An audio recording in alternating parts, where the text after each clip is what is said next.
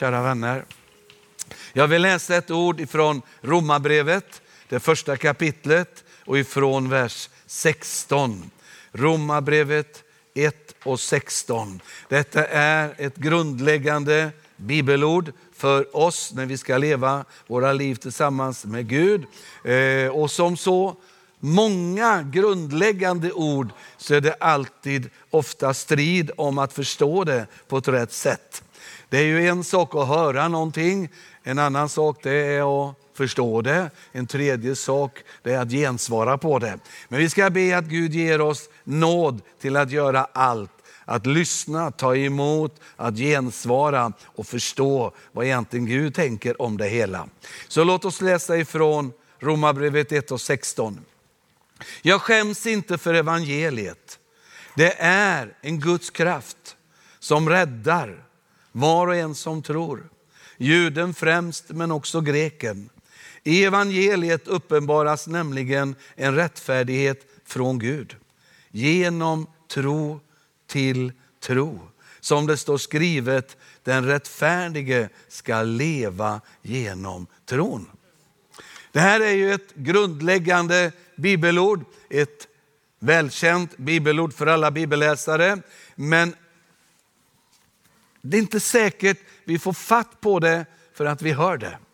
Och, och, och min bön eh, för den här förmiddagen, men också för, för alla dagar, det, det är ju att både du och jag alltid ska förstå det Gud vill kommunicera. Du vet, det är ju som alla relationer. Vi kan tala till varandra och ibland så känner vi, den andra fattar inte vad jag vill ha sagt. Jag säger det jag har på mitt hjärta och den andra fattar fattar det inte. Det är lätt att höra och, och du och jag tycker ju att det är lätt att förstå, men den andra förstår det inte. Eller missförstår det, drar felaktiga slutsatser. Och så är livet. Men så är livet också med Gud. Eh, Bibeln är full av exempel. Det står ju det att när Jesus levde med lärjungarna så står det att han talade till dem men de förstod inte vad han menade. Och, och, och när vi läser det tycker vi, hur svårt kan det vara? Det är ju hur lätt som helst. Han talar exempelvis om att nu den här påsken, som vi har firat på ett liknande sätt flera gånger tidigare, den här kommer bli annorlunda. För på den här påsken så kommer jag få ge mitt liv. Och så beskriver han vad som ska hända och det står, de förstod inte vad han menade. De fattade det inte. Och det är ju det här, att det finns en utmaning för oss alla att förstå det Gud vill ha sagt utifrån vad han vill ha sagt med det han säger. Och Det är likadant med det bibelordet.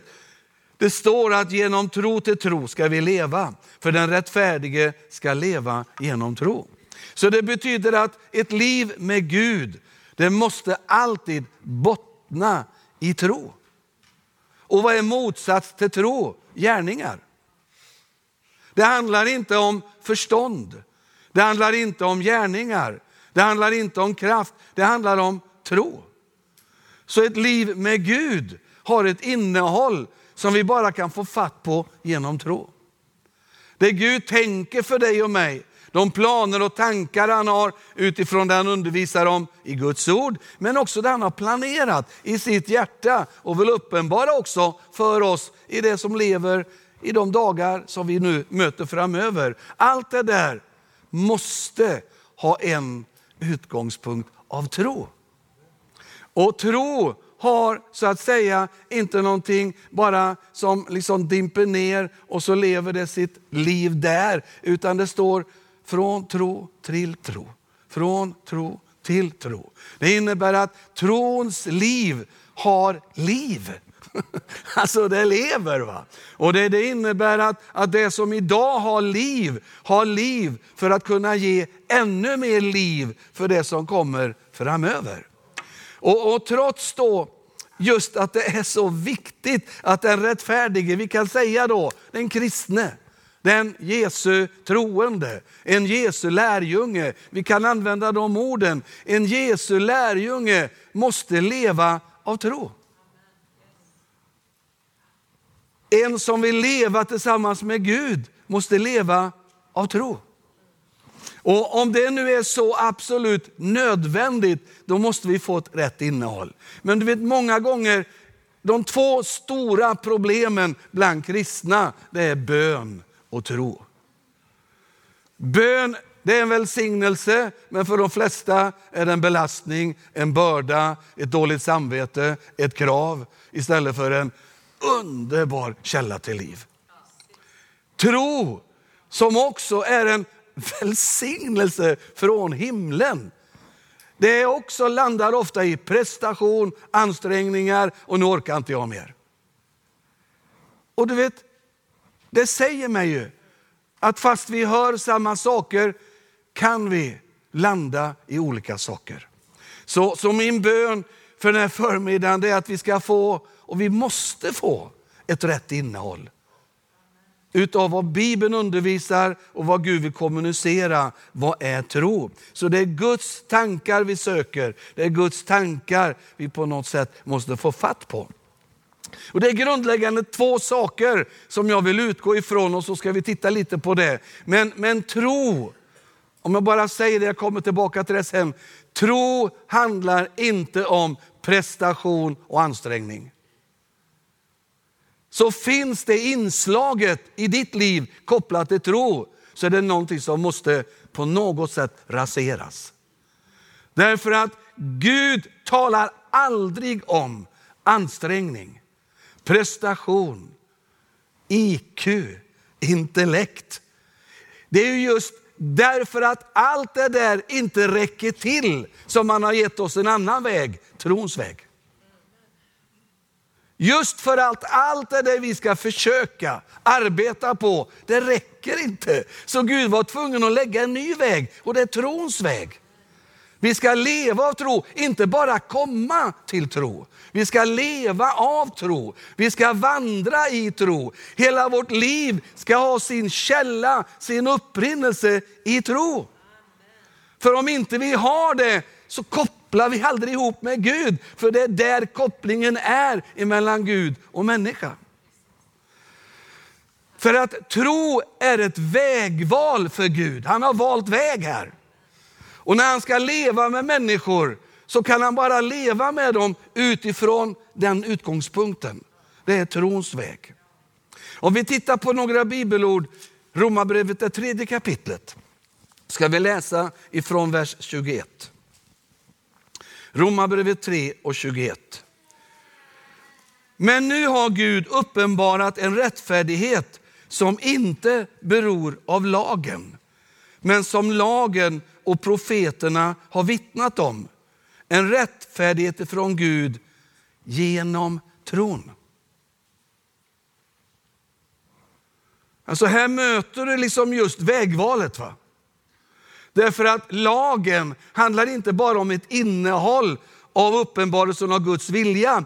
Lagen och lagens tid, när Paulus talar om det, så är det inte bara då det innehållet han syftar på, utan det är ett vägval, det är en princip. Så du vet det judiska folket, folket som blev befriat ifrån Egypten, kommer in och får ett förbund med Gud. Det var lagens förbund. Vad betyder det? De skulle utifrån sina egna förutsättningar leva upp till någonting som Gud sa.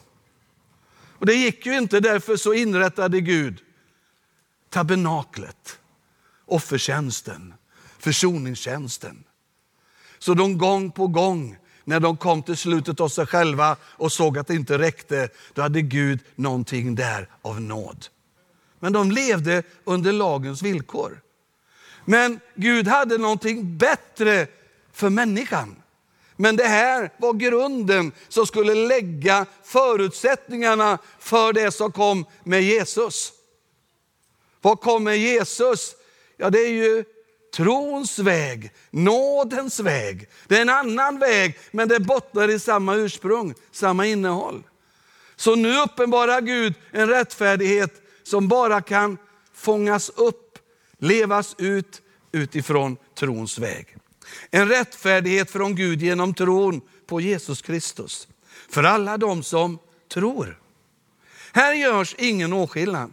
Alla har syndat och gått miste om härligheten från Gud. Och utan att ha förtjänat det blir de rättfärdiga av hans nåd. Eftersom han har friköpt dem genom Kristus Jesus. Gud har låtit hans blod bli ett försoningsoffer för de som tror. Det är ett försoningsoffer för alla. Men de som ska få fatt på den verkligheten som ryms inom det måste komma trons väg.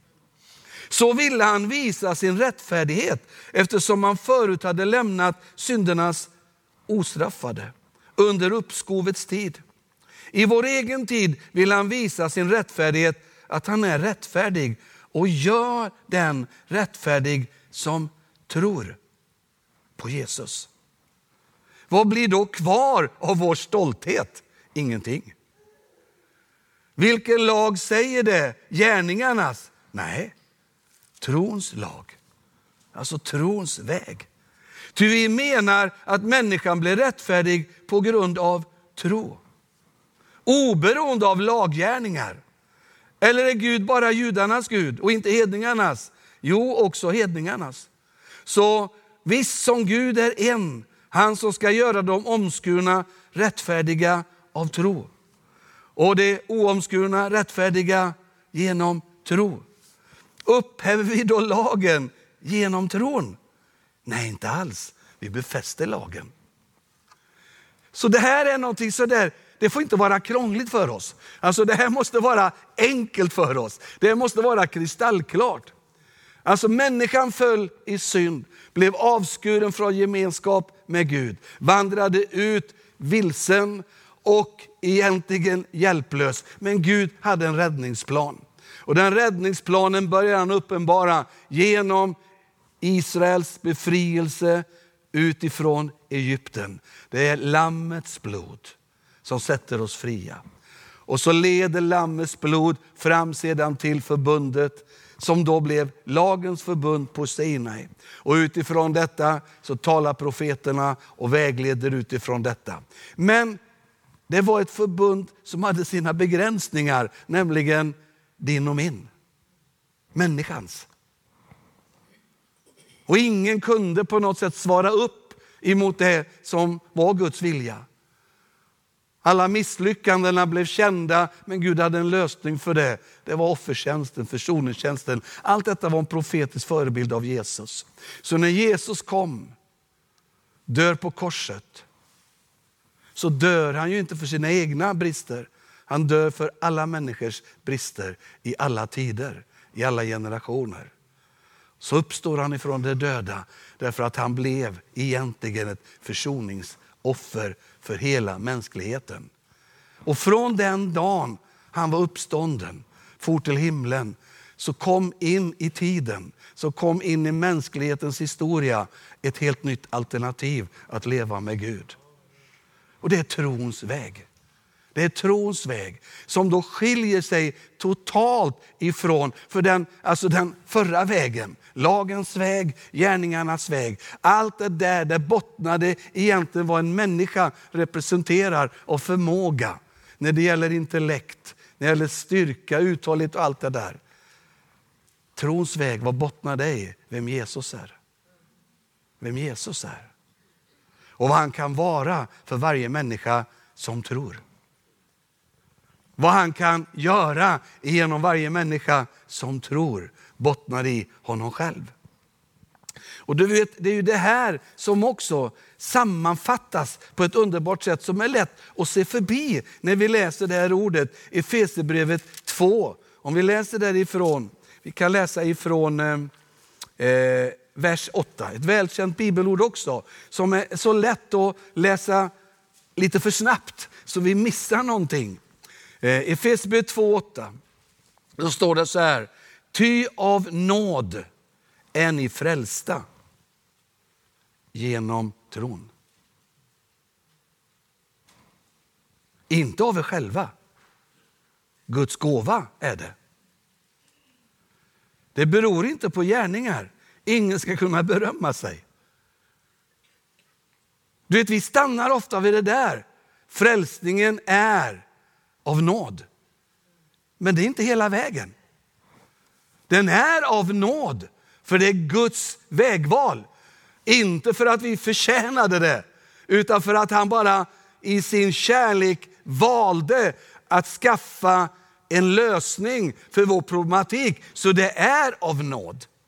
Men det som är ett beslut i hans hjärta kan aldrig förverkligas i våra liv på någon annan väg än genom trons väg.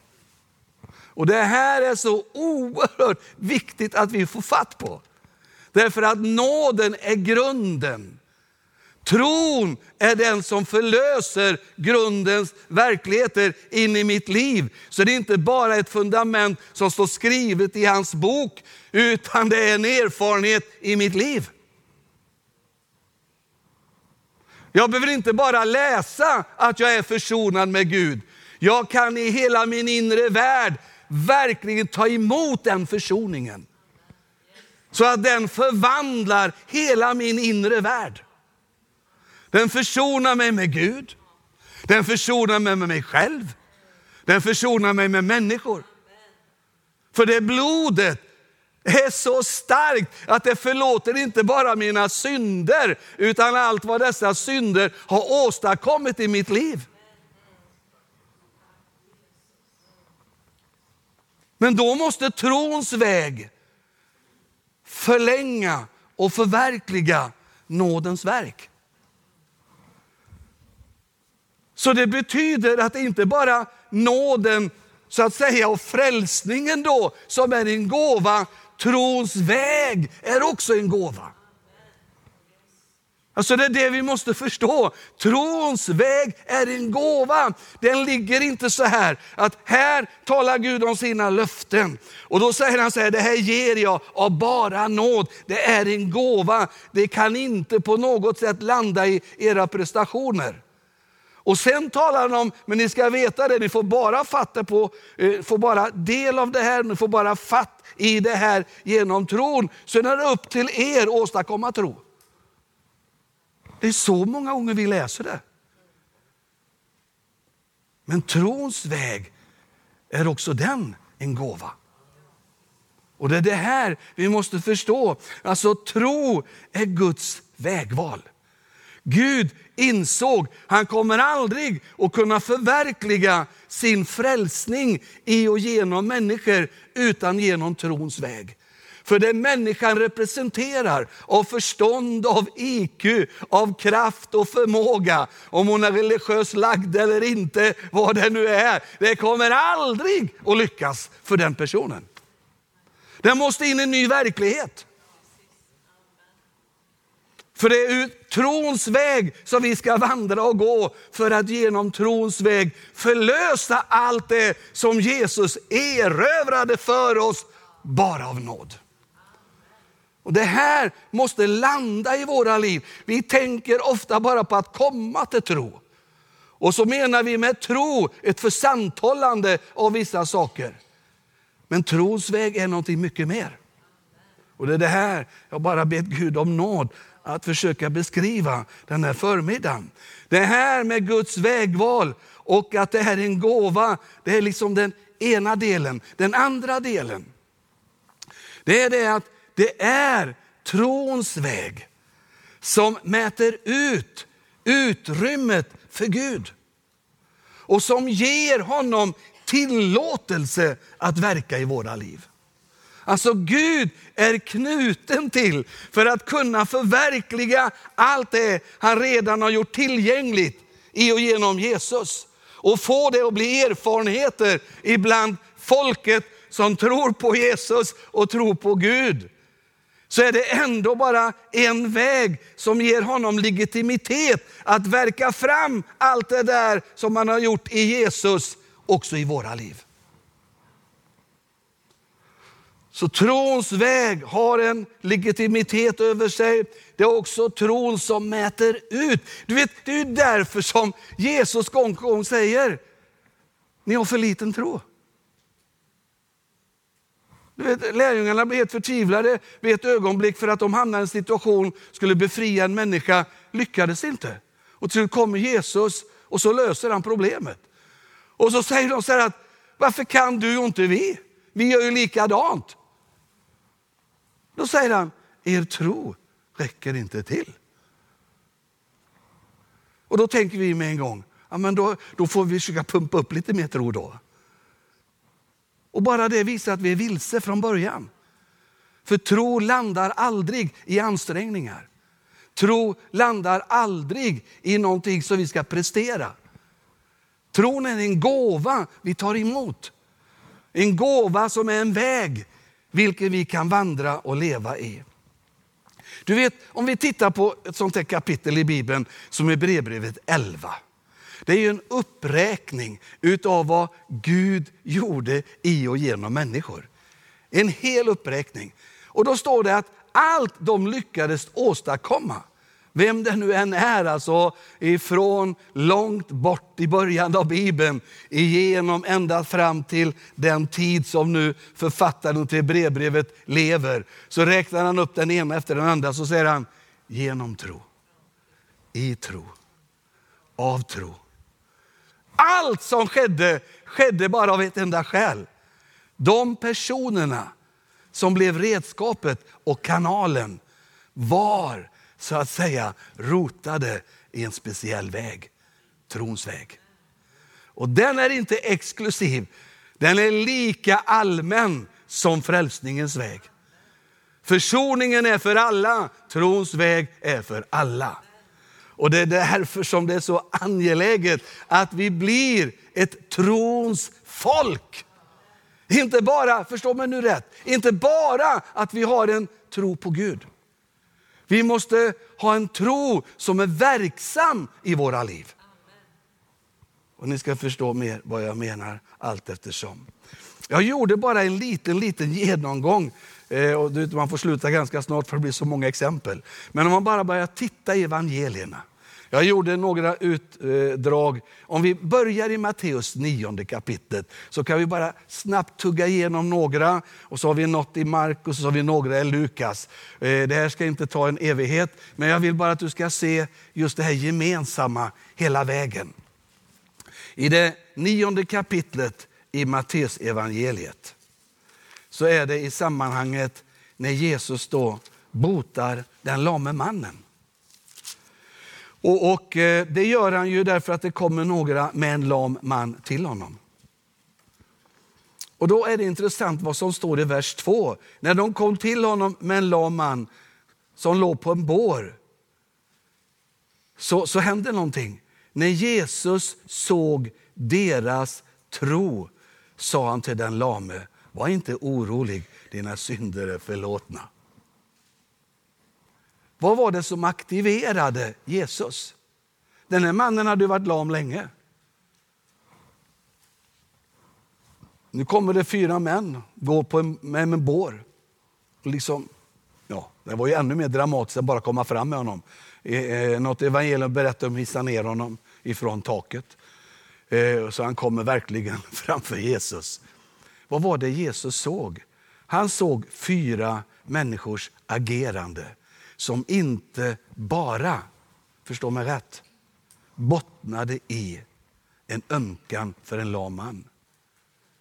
Utan en övertygelse. Får han bara komma till Jesus så händer någonting.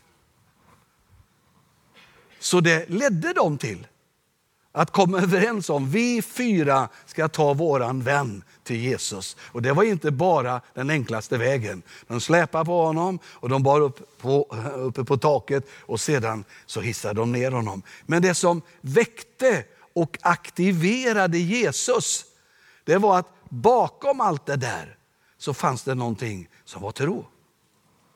Om du fortsatt i kapitlet, vers 22, det Mikael var inne i. Det står att det trängs många människor omkring Jesus. Och plötsligt säger Jesus, vem rörde vid mig? Eh, och, och eh, Petrus han undrar ju, vem? Alla rör ju vid dig. Alltså det trycker ju på från alla håll. Nej, sa han, det var någon som rörde vid mig på ett annorlunda sätt. Därför att kraft gick ut ur mig. Och då kommer kvinnan fram. Och då säger hon så här att jag hade en övertygelse i mitt hjärta. Får jag bara röra vid hörntofsen så kommer jag bli botad. Och då säger han så här, din tro har hjälpt dig. Det var tron som förlöste, aktiverade, gav Jesus utrymme till att göra någonting i den kvinnans liv. I den 29 versen, det ena kommer efter det andra. Va? Då är det blinda som blir helade. Och då säger han, beroende på vilken översättning, så som eh, för de ropar och de vill ha hans uppmärksamhet och de vill ha ett helande över sin blindhet. Och då säger han, ske er efter er tro. Eller en annan översättning säger, ni tror och då ska det ske. Ni tror och det ska ske.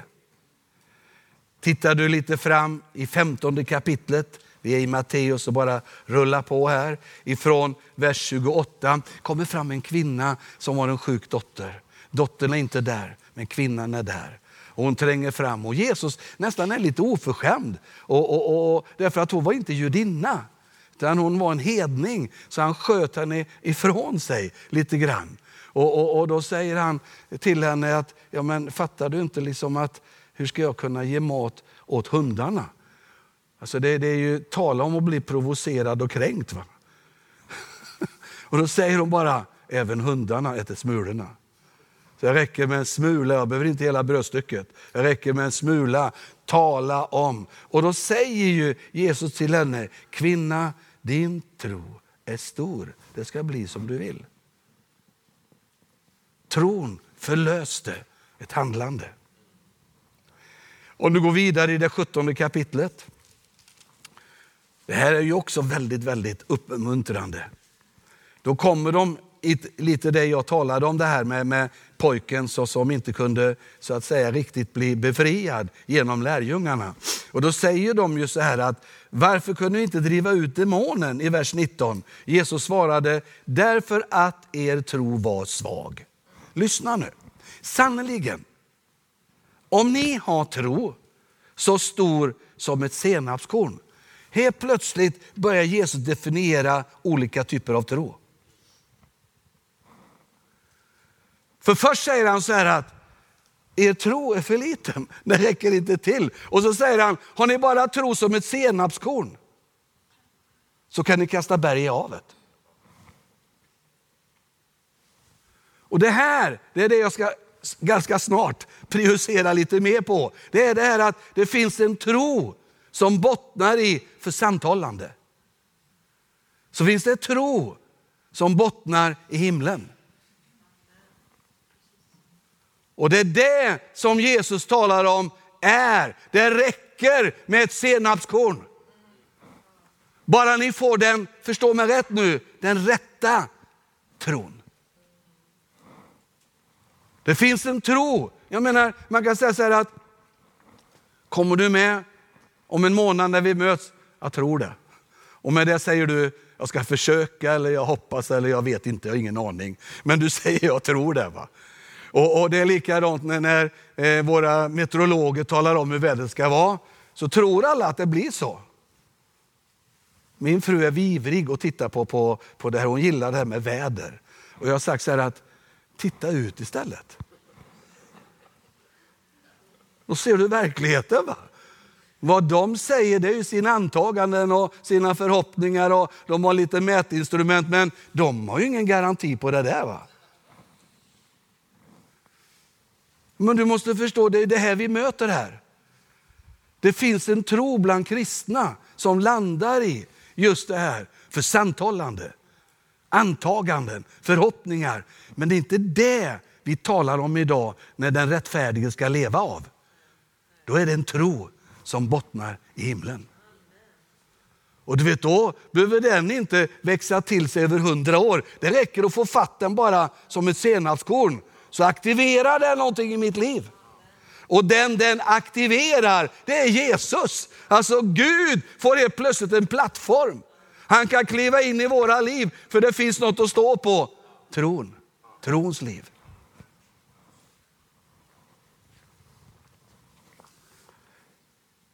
Om vi tittar lite längre fram så kommer det här tillbaka i det 21 kapitlet den 21 versen. Då säger han, om ni har tro och inte tvivlar ska ni kunna säga till berget, flytta dig. Och berget då, det talar ju inte om ett fysiskt berg, utan det talar ju om en situation. Va?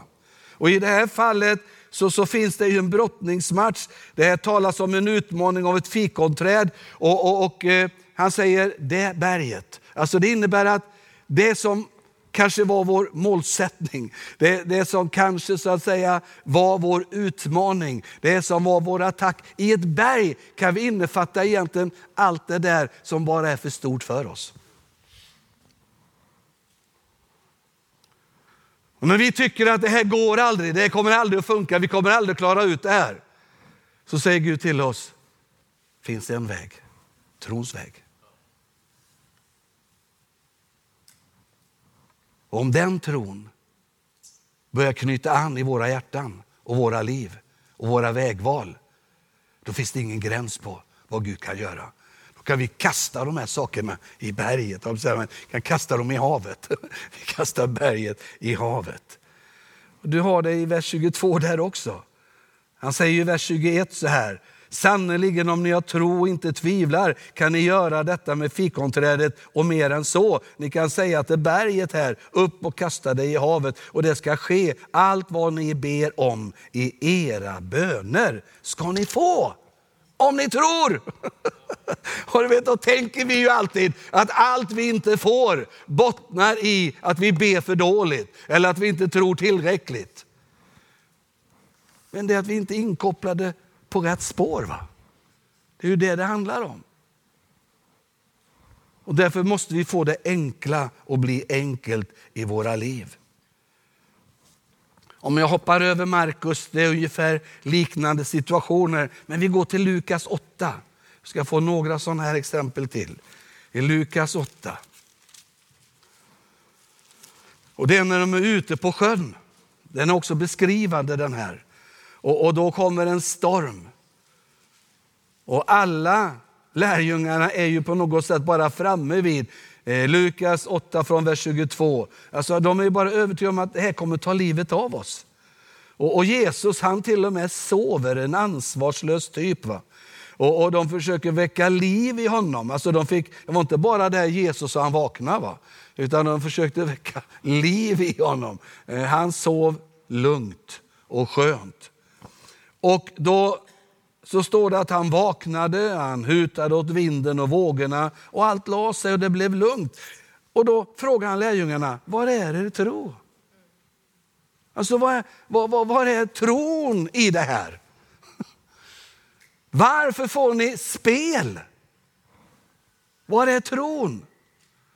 Du vet, Jesus, det som är bakgrund som vi måste ha med i det här också då, det är ju det att Jesus säger så här, jag gör ingenting som inte min fader vill att jag ska göra. Jag säger ingenting heller som inte min fader vill att jag ska säga. Det var ett sånt där fundament i hans liv. Bakgrunden till stormen är att Jesus säger till lärjungarna, ta, låt oss ta båten och fara över till andra sidan sjön. Så Jesus väljer någonting. Men han valde det inte för att han ville ha en sightseeing. Han hade ett vittnesbörd i sitt hjärta. Han ska över. För han gjorde det Gud ville att han skulle göra. Han kanske inte visste fullt ut vad som var på andra sidan sjön. Det vet vi ju nu som har facit. Det var en man som var bunden, plågad av demoner genom många år tillbaka. Han skulle bli fri. Det var dit och var på väg. Men han visste att han var på väg på ett uppdrag ifrån Gud. Och nu när det kommer en storm så är det ju det vanliga för fienden. Va? Därför att fienden börjar ju ana att det är någonting som kan återerövra det han har bundit, stulet och förstört. Och där försöker han eliminera lösningen. Men när Jesus vaknar så ser han ju stormen och förstår hela alltet med en gång och kan genom tro agera och bryta udden av det som ville ödelägga Guds vilja och väg att befria någon ifrån en bundenhet av demoner. Och då ser du att så länge lärjungarna var där med Jesus, men inte tron blev aktiverad i detta sammanhang, då hade man gått under. Men så fort Jesus vaknade upp och började agera utifrån trons väg, då fanns det en ny auktoritet. Alltså det jag sa då, vad är själva syftet med trons väg? Det är det som ger Gud utrymme. Det är det som legitimerar honom att handla i en situation. Gud älskar alla människor, vill hjälpa alla människor, men allt han gör sitter i ett sammanhang. Du vet, det är ju det här som Jobs bok vill illustrera. När djävulen står där och har fart runt jorden, kommer upp inför Gud, så, så, så frågar Gud honom, var, var liksom kommer du ifrån? Jo, men jag, jag har fart över jorden och tittat lite hur människor lever. Och då säger Gud så här att, lade du märke till jobb? Lade du märke till en gudsman som heter Jobb? Har du sett vilken välsignad man det är? Säger Gud. Alltså han var ju stolt över sin pojk. Va? Och då säger djävulen, det är klart att han älskar dig. Men det bottnar ju inte vem du är. Det bottnar ju i dina välsignelser. Han är bara ute efter fördelarna. Han älskar inte dig. Han är med dig för att få egna fördelar. Så han vill ifrågasätta legitimiteten för Guds välsignelse. Och så kommer en strid om Jobs liv. Och han kommer igenom och då vet vi att det blev en välsignelse genom allt det som hade varit ett elände. Och Det här är väldigt viktigt att förstå att du vet, alltså det, på samma sätt som här så var det ett givet tillfälle. Men det här bibelordet och Jesus är inte ett permanent löfte för alla troende att kunna stilla alla stormar. Va? Alltså jag tror det är viktigt att vi fattar det. Du vet, det är samma sak, då får du, det blir alltid ett problem om, om man alltid tror att Gud ska genom vädersystem lyda våra böner. Därför måste de bottna i tro. För det som bottnar i tro bottnar i vad då? Gud. Det som inte bottnar i tro utan våra önskningar, vad bottnar det i? Oss. Vad vi vill. Så därför kan vi be, vi vill ha regn. Och någon annan säger, vi vill ha sol. Ja, hur kul är det för Gud? Det är detsamma som att säga, han vill både och. Nej.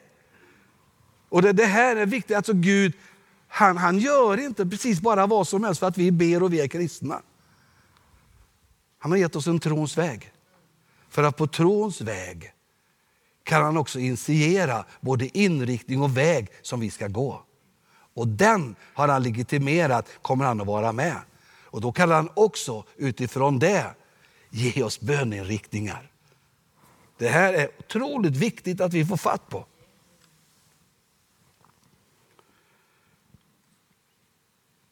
Jakob 2. Jag hoppar dit.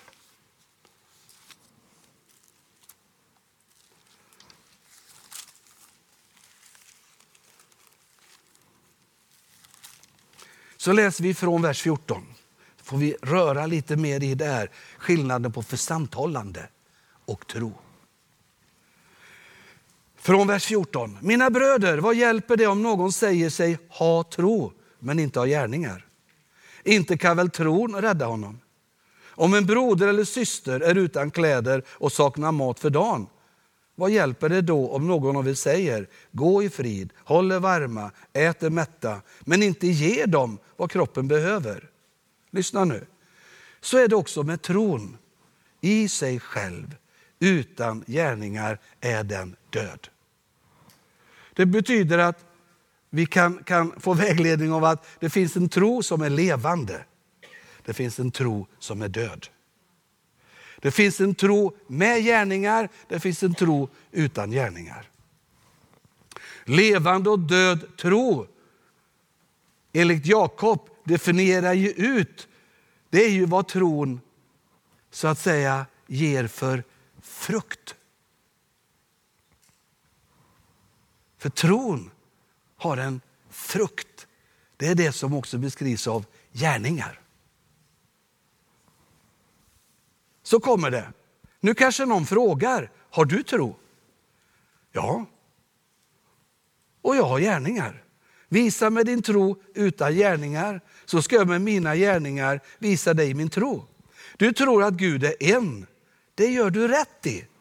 Alltså här, är, här är vi liksom på en bas. Va? Jag menar, det, det är det att vi, vi, vi tror att Gud är en, vi tror att Guds ord är sant. Alltså vi, vi har den hållningen, vi, vi har det som ett försanthållande. Det var som jag predikade för några veckor sedan när jag började med det här området. Så sa jag att jag har i hela mitt liv tagit Gud för självklar. Jag har alltid, jag, och jag kan inte svara på hur detta var möjligt, för jag, jag kommer inte från en kristen familj. Men jag vet, så länge jag har minnesbilder bakåt i livet, har jag alltid trott att Gud fanns, att man kunde be till honom. Och det har jag gjort under hela livet. Hade jag blivit frälst? Nej. Varför? Kommer till det. Men jag vill att du ska veta, det går att hålla något för sant utan att koppla ihop med trons väg. Det här är otroligt viktigt. va? Du tror att Gud är en och det gör du rätt i. Också de onda andarna tror det. Går de trons väg? Nej, verkligen inte. Men de håller något för sant för att de vet att det är så. Men inte trons väg. Alltså ett försanthållande som inte producerar gärningar är enligt Bibeln en död tro. Alltså du tror på det sättet på rätt saker. Men du gör det inte från rätt källa. En levande tro producerar gärningar. Och gärningar då är inte våra ansträngningar, utan det är en frukt av trons liv. Och Det är det här vi då ska ha med oss när vi läser Hebreerbrevet 11. Om vi går tillbaka till Hebreerbrevet 11 så har vi någonting här. Om vi läser tron är grunden för det vi hoppas på. Den ger oss visshet om det vi inte kan se. För sin tro fick fäderna Guds vittnesbörd. I tro förstår vi att världen har formats genom ett ord från Gud och att det vi ser inte har blivit till ur något synligt. Du vet, tron är en kraft i våra liv. Tron ger oss kraft. Det är tron som övertygar vårt hjärta. Jag trodde att Gud fanns, hade ingen aning om Jesus. Hade ingen aning om att Jesus levde. Hade ingen aning om att Jesus hade berett en frälsning, en upprättelse, en försoning för mig. Hade ingen aning. Men jag trodde att Gud fanns. Allt av det som fanns, jag kunde inte greppa det att det var till av en tillfällighet. Det fanns någon Gud. När jag sen fick höra evangeliet, vad fick jag höra? Det fanns en försoning. Det fanns en frälsning. Det fanns en upprättelse. När jag fick höra det genom evangeliet, vad hände då? Det berörde mitt hjärta så att jag bara förstod det är sant. Och det fick mig till att be. Jesus kom in i mitt liv. Och när Jesus kom in i mitt liv, då gjorde han någonting av det han redan hade gjort. Men nu också i mitt liv. Jag tycker det är så underbart, för att vet, många människor tror att jag måste tro, jag måste tro och jag måste tro lite mer och jag måste tro tillräckligt. Du vet, det är fel spår hela vägen. Om vi har klivit in på trons väg, tagit emot trons gåva, så är det hela tiden tro som motiverar mig.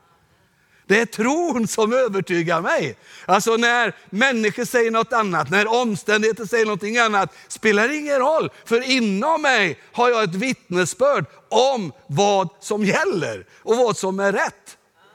Du vet, tänk att man kan ha ett övertygande vittnesbörd i sitt hjärta, även om själen undrar vart kommer det ta vägen.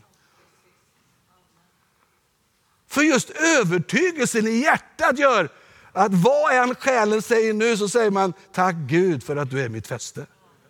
Tack Gud för att du är mitt fäste. Det är möjligt.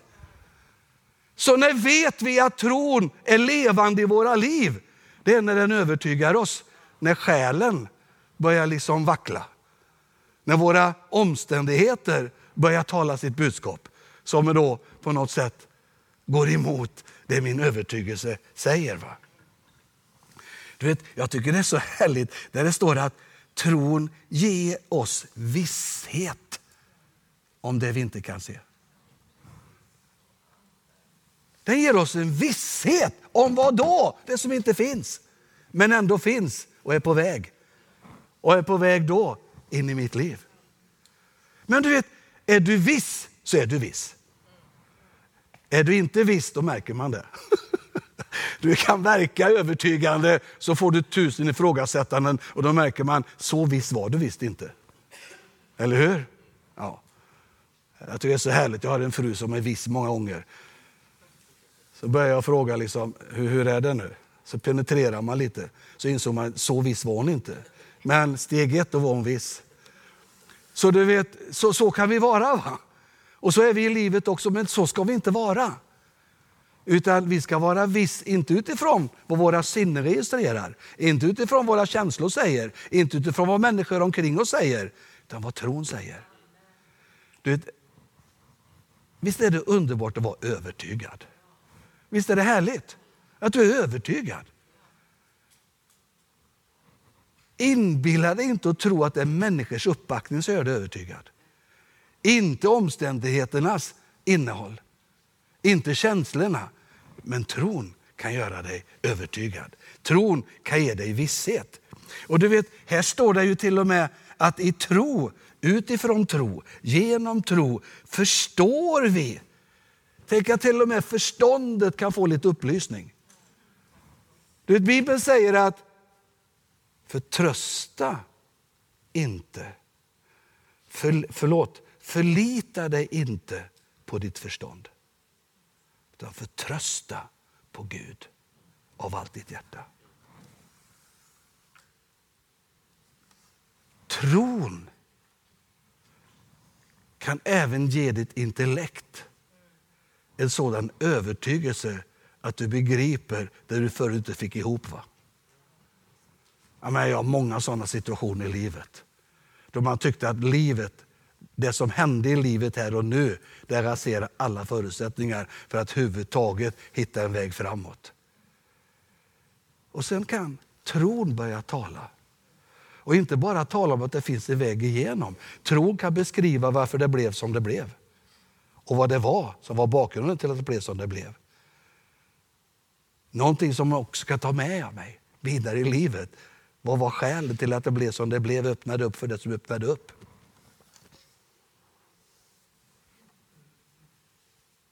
Tron är en övertygelse, tron ger visshet, tro ger förståelse.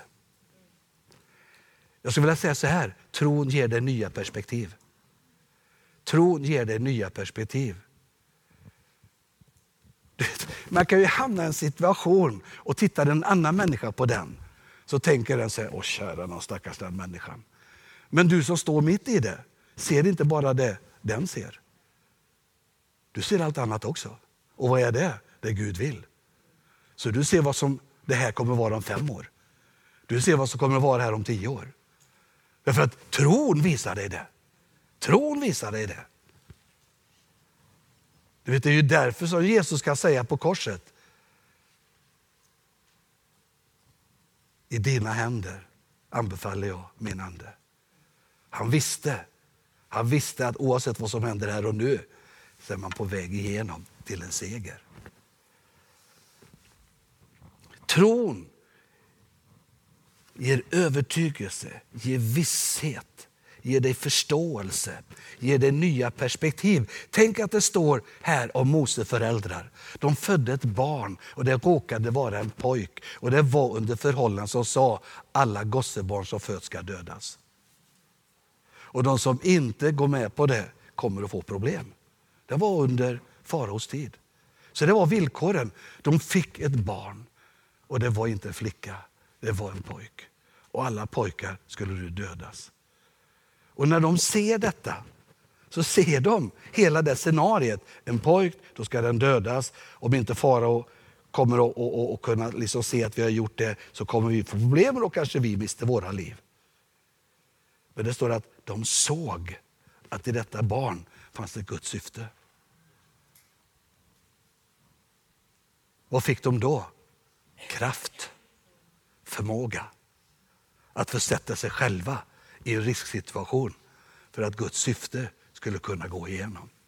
Utan trons väg så hade också Mose förlorat sitt liv.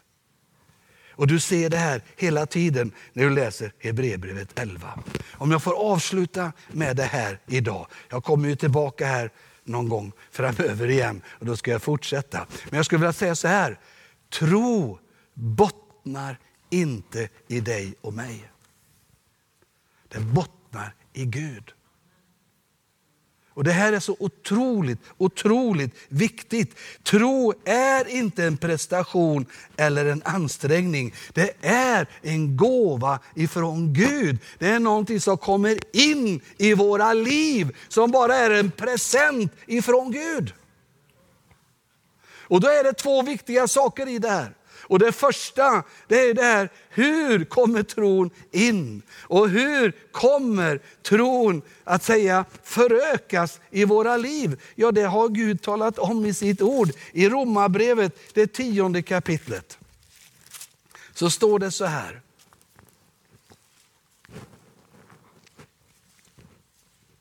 Vi läser ifrån vers eh, 8. Vad säger den då? Ordet är nära dig, i din mun och i ditt hjärta. Det vill säga trons ord. Det som vi förkunnar. Ty om du med din mun bekänner att Jesus är Herre, i ditt hjärta tror att Gud har uppväckt honom från de döda, då ska du bli räddad. Hjärtats tro leder till rättfärdighet och munnens bekännelse till räddning ner till vers 17. Så bygger, så kommer tron på förkunnelsen genom förkunnelsen och genom förkunnelsen utifrån Kristi ord. Det betyder att i det här ordet som beskriver saker. Jag menar det här är ju beskrivande saker. Gamla testamentet, mycket runt omkring det som hade med förlåt, med, med det judiska folket att göra. I, I Nya Testamentet mycket vad som var runt omkring Jesus och sedan mycket vad som var runt omkring så att säga, människor kopplat till församlingen. Det är livsberättelser. I dessa livsberättelser finns det någonting som bara finns i den här boken. Det finns inbäddat tro. Du kan läsa vilka böcker du vill, det kan vara hur bra som helst. Men de saknar en sak, tro. Men det har den här boken.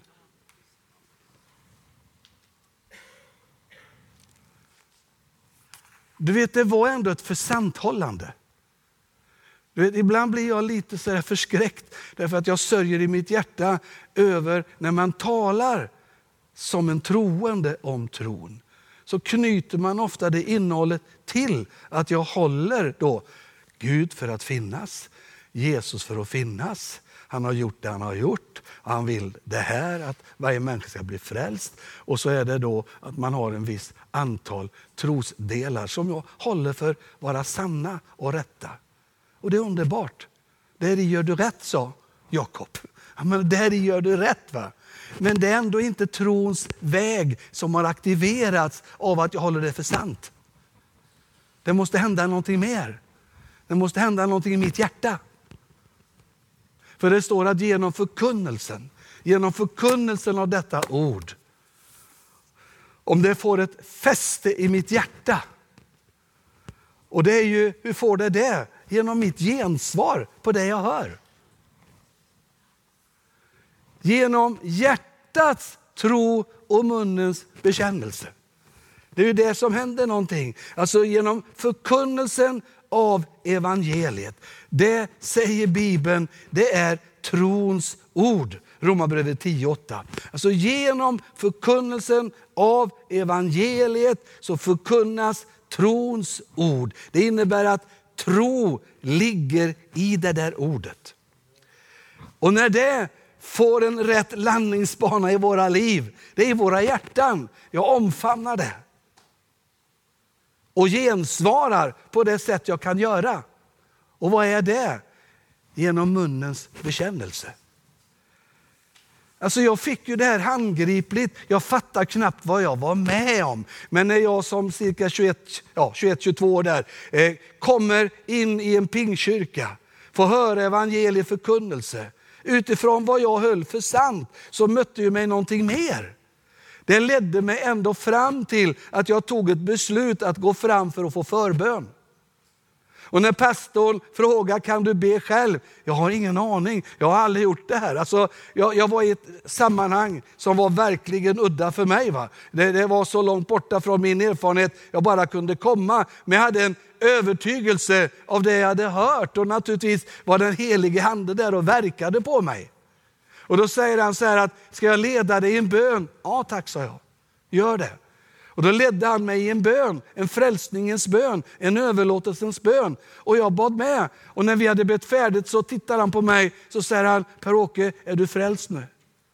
Jag har ingen aning, sa jag. För jag hade ingen aning. Förstår du vad jag menar? Alltså jag, jag, var, jag var helt på ett nytt fält. Va? Och då säger han så här, menade du de ord du bad? Menade du dem? Ja, verkligen, sa jag. Varje ord gjorde jag till mitt. Då säger Guds ord att du är frälst. Ja, men då är jag frälst, sa jag. Då är, då är jag frälst. Då säger han så här att, amen och underbart. Nu går du hem till din familj, så går du till din arbetsplats och så förkunnar du detta. Och så berättar du detta och så vittnar du om vad du varit med om ikväll. Och du vet, det var inte så enkelt, därför att det var svaga ben. För jag visste knappt vad jag varit med om då. Jag visste bara att jag tagit ett beslut. Jag har tagit ett beslut. Och då var frågan, vart ska det beslutet ta mig? Du vet, idag, det är fantastiskt. Alltså 52 år senare. Alltså idag, 52 år senare, så kan jag se vad det beslutet tog mig. Men det var inte bara det beslutet som tog mig ända hit, som jag är idag, eller har det livet jag har bakom mig. Men det öppnar upp en ny väg. Trons väg. Trons väg. Och det var lite slalom i början. Men det har blivit mer störtlopp sen. Men du vet, det är fantastiskt när man kommer in och ser att det jag vill tro börjar fungera. Och tron börjar fungera i våra liv. Du vet tron som finns här, jag ska sluta med det, är ett utsäde. Som Gud vill planta i ditt och mitt hjärta, inte här. Och när det planteras i mitt hjärta så avgör utfallet av den planteringen vad det planteras i. Och Det var ju det som var den stora resan och det tar vi nästa gång. Därför att sår man på vägen, stod det, ja, då möts det en viss typ av utmaningar. Sås det bland tistlar och törnen, ja, en viss typ av utmaningar. Sås det bland den stengrunden, ja, en viss typ av utmaningar. Men det finns en god jord. Det, det här är att vara kristen. När vi börjar förstå det här, då börjar vi också förstå varför vissa saker händer och inte vissa saker händer. Vi börjar förstå det. Därför att, du vet, det, alltså en del lever ju med, med Jesus och trons liv som att spela lotto ungefär. Va? Man drar lotter. Va? Alltså det är det liksom vi sätter igång jul och ser vad som händer. Trons väg är en fast väg.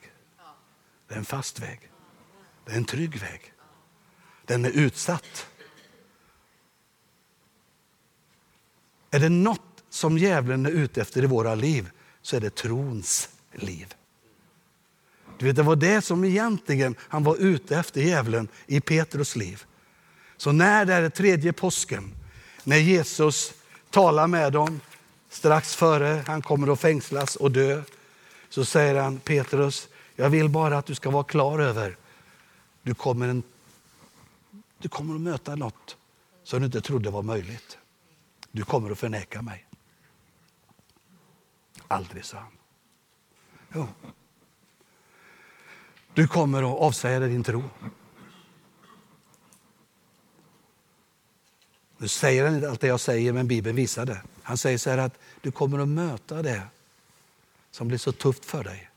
Så att det räcker med att en flicka ifrågasätter om du är Jesu lärjunge eller inte.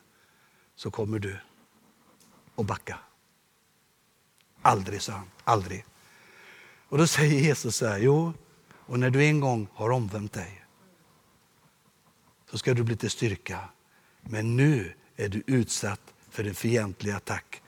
Men jag ska be för dig att din tro inte ska ta slut.